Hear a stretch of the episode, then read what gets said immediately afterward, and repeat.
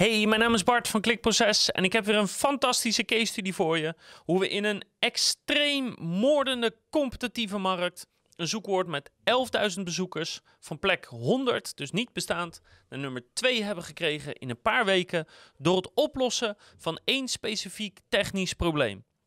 En ik ga je precies uitleggen van wat dat probleem dan was, waarom dat zo ontzettend belangrijk is om te zorgen dat je het probleem nooit hebt de resultaten dus die het kan boeken.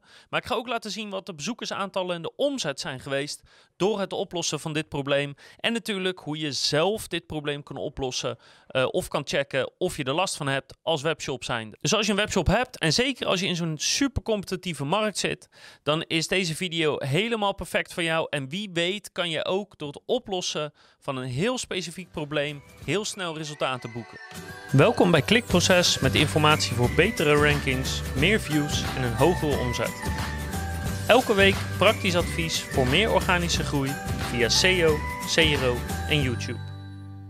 Ja, het is een, een leuke case study en dat komt met name eigenlijk omdat het gaat over commerciële zoekwoorden voor webshops. Hè, dus puntje puntje kopen of, of zeg maar je hoofdzoekwoord, de hoofdcategorieën waar je bezoekers op zoeken. En heel veel webshops proberen erop te scoren, maar heel veel webshops hebben tegelijkertijd ook last van technische problemen. En soms weten ze dat en soms niet. Maar het oplossen van die problemen kan in elk geval prachtige resultaten brengen. En in deze video gaat het eigenlijk over een probleem dat bestaat uit twee delen. Het gaat om verborgen zoekwoordcannibalisatie en zoekersintentie goed invullen. Daar gaat het om. Zoekwoordcannibalisatie, maar dan iets anders dan normaal en zoekintentie goed bedienen.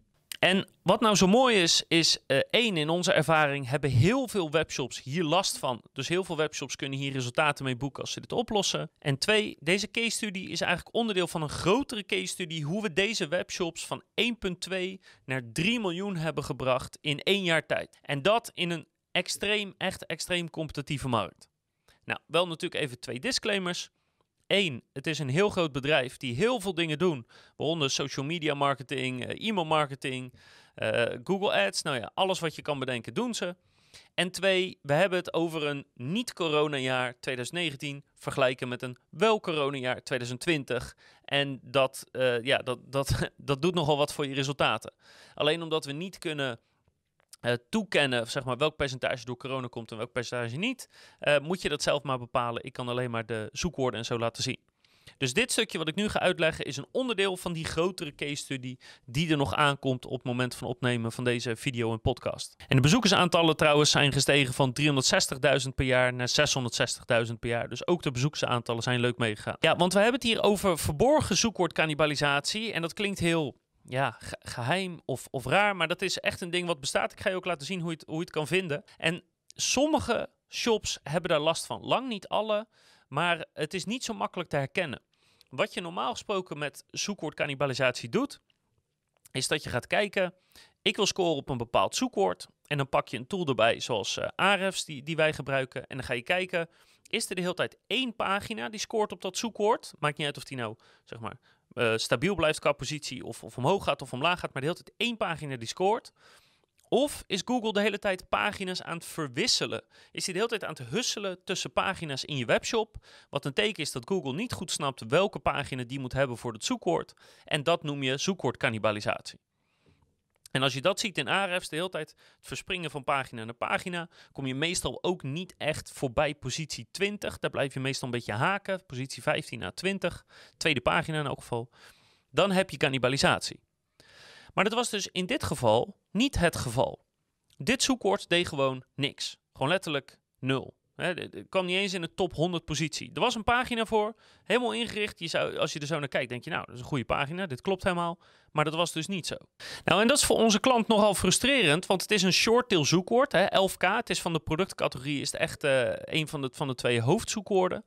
Maar het is ook kernassortiment voor onze klant. Dus ja, weet je, los van dat je natuurlijk hoog in Google staan om geld te verdienen, is het voor veel uh, marketingmanagers of, of webshop-eigenaren is het ook gewoon een beetje je eer te na dat je al je concurrenten vaak wel op dat zoekwoord ziet staan, maar jezelf niet. Nou, dus we zijn een technische analyse gaan doen van hoe dat kan. En daarbij zal ik even de stappen laten zien die we hebben doorlopen en de dingen die ons opvielen. Nou, het eerste was dat alle concurrenten die of de klant aanmerkt als concurrent, of de sites die wij gewoon heel vaak in Google terug zien komen, uh, als, als je zoekt op het verschillende zoekwoorden waar de klant op scoort, die stonden er gewoon allemaal. Dus het is niet dat voor dit ene zoekwoord op een of andere manier ander soort sites of shops of, andere content of zo scoorden. Alle concurrenten stonden er wel, onze klant niet. Dus dat is één. Tweede punt is, onze klant scoorde wel op gerelateerde zoekwoorden. Dus als ik even als voorbeeld neem, stel dat onze klant had willen scoren op het woord fotolijstje. Dan scoorde die dus niet op, op het woord fotolijstje, maar wel bijvoorbeeld op uh, groot fotolijstje of zwart fotolijstje of uh, fotolijstje met uh, modelfoto erin. Ik zeg maar wat. Dus het is niet zo dat Google de site of shop zeg maar niet erkende in die categorie of, of dat hij de relevantie niet zag of dat hij zulke problemen had. Google zag, hey, al je concurrenten scoren op gerelateerde termen en ook op deze term. Jouw shop scoort wel op gerelateerde termen, alleen niet op deze. En dat is een tweede indicatie dat er dus blijkbaar iets technisch gezien in de shop niet goed zit. Waar je dat probleem namelijk wel eens bij kan tegenkomen is als je al een shop hebt en je voegt een nieuwe groep nieuwe categorieën met producten toe, of, of nieuwe woorden, of ja, zeg maar echt een hele nieuwe weg die je ingaat, of die je eraan toevoegt, dan kan het soms best wel even lang duren voordat Google je rankt. En dat heeft te maken met dat Google die relevantie nog niet aan je toekent. Maar dat was dus in dit geval ook niet zo. Nou, als derde hebben we ook gewoon even gecontroleerd of die pagina gewoon wel goed stond. Stond er niet toevallig uh, een canonical op, of, of meerdere canonicals, of stond hij op no index, of weet je, zulke soort dingen. Nou, is vrij eenvoudig te checken uh, door aan de ene kant gewoon uh, via bepaalde tools of in de broncode te kijken. Weet je ook, staat, staat de SEO-titel goed? Is, die, is die goed indexeerbaar? Staan de interne linken er naartoe op do-follow? Gewoon wat, ja, beetje simpele standaard dingen. Maar dat, dat was eigenlijk allemaal goed. Hè? Ook als je de URL in Google Search Console gooide, um, hij erkende hem gewoon. Uh, die URL stond ook in de sitemaps, weet je. Op het eerste gezicht, technisch gezien, eigenlijk niet echt iets aan de hand. Geen reden waarom die niet kan ranken. De pagina was ook gewoon geïndexeerd. Je kon hem gewoon vinden als je erop googelde. Allemaal niet echt een probleem. Nou, en als er dus niet echt letterlijk een technisch probleem is, dan is er dus een verborgen technisch probleem als het ware, of, of een verborgen probleem. Nou, en een van de eerste dingen die we dan kijken is naar zoekwoordcannibalisatie. En dat hebben we in dit geval dus ook gedaan. Dus eerst gingen we kijken in Ahrefs, naar het zoekwoord, naar de pagina, maar daar zagen we dus gewoon niks staan.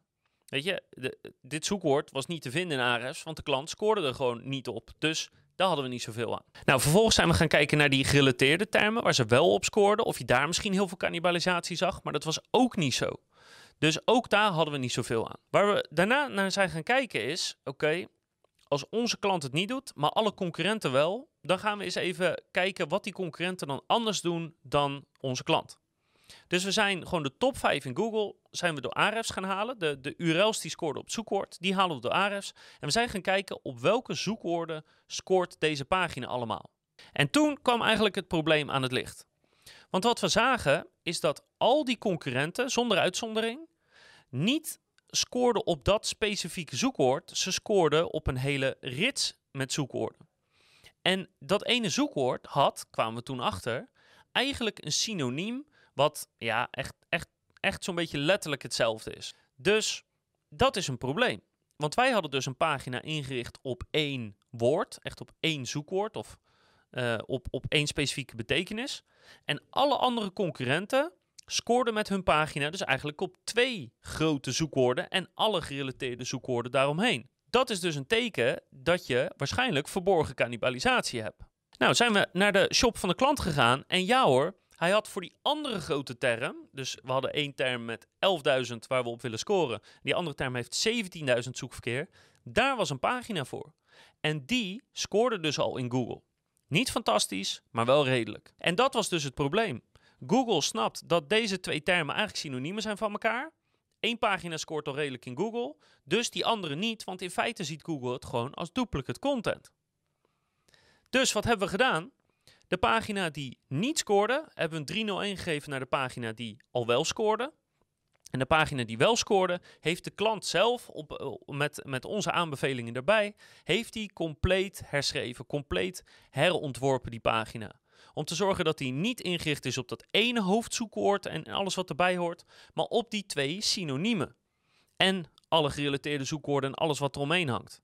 En door gewoon even heel, heel simpel te zeggen, die twee termen door elkaar te gebruiken op de pagina, door elkaar te gebruiken in de SEO-titel en alle gerelateerde termen daarvan goed in die pagina te verwerken, pakte Google hem opeens op, snapte die, hey, zie je nou wel, deze pagina gaat ook over allebei die synoniemen, net als bij alle andere concurrenten.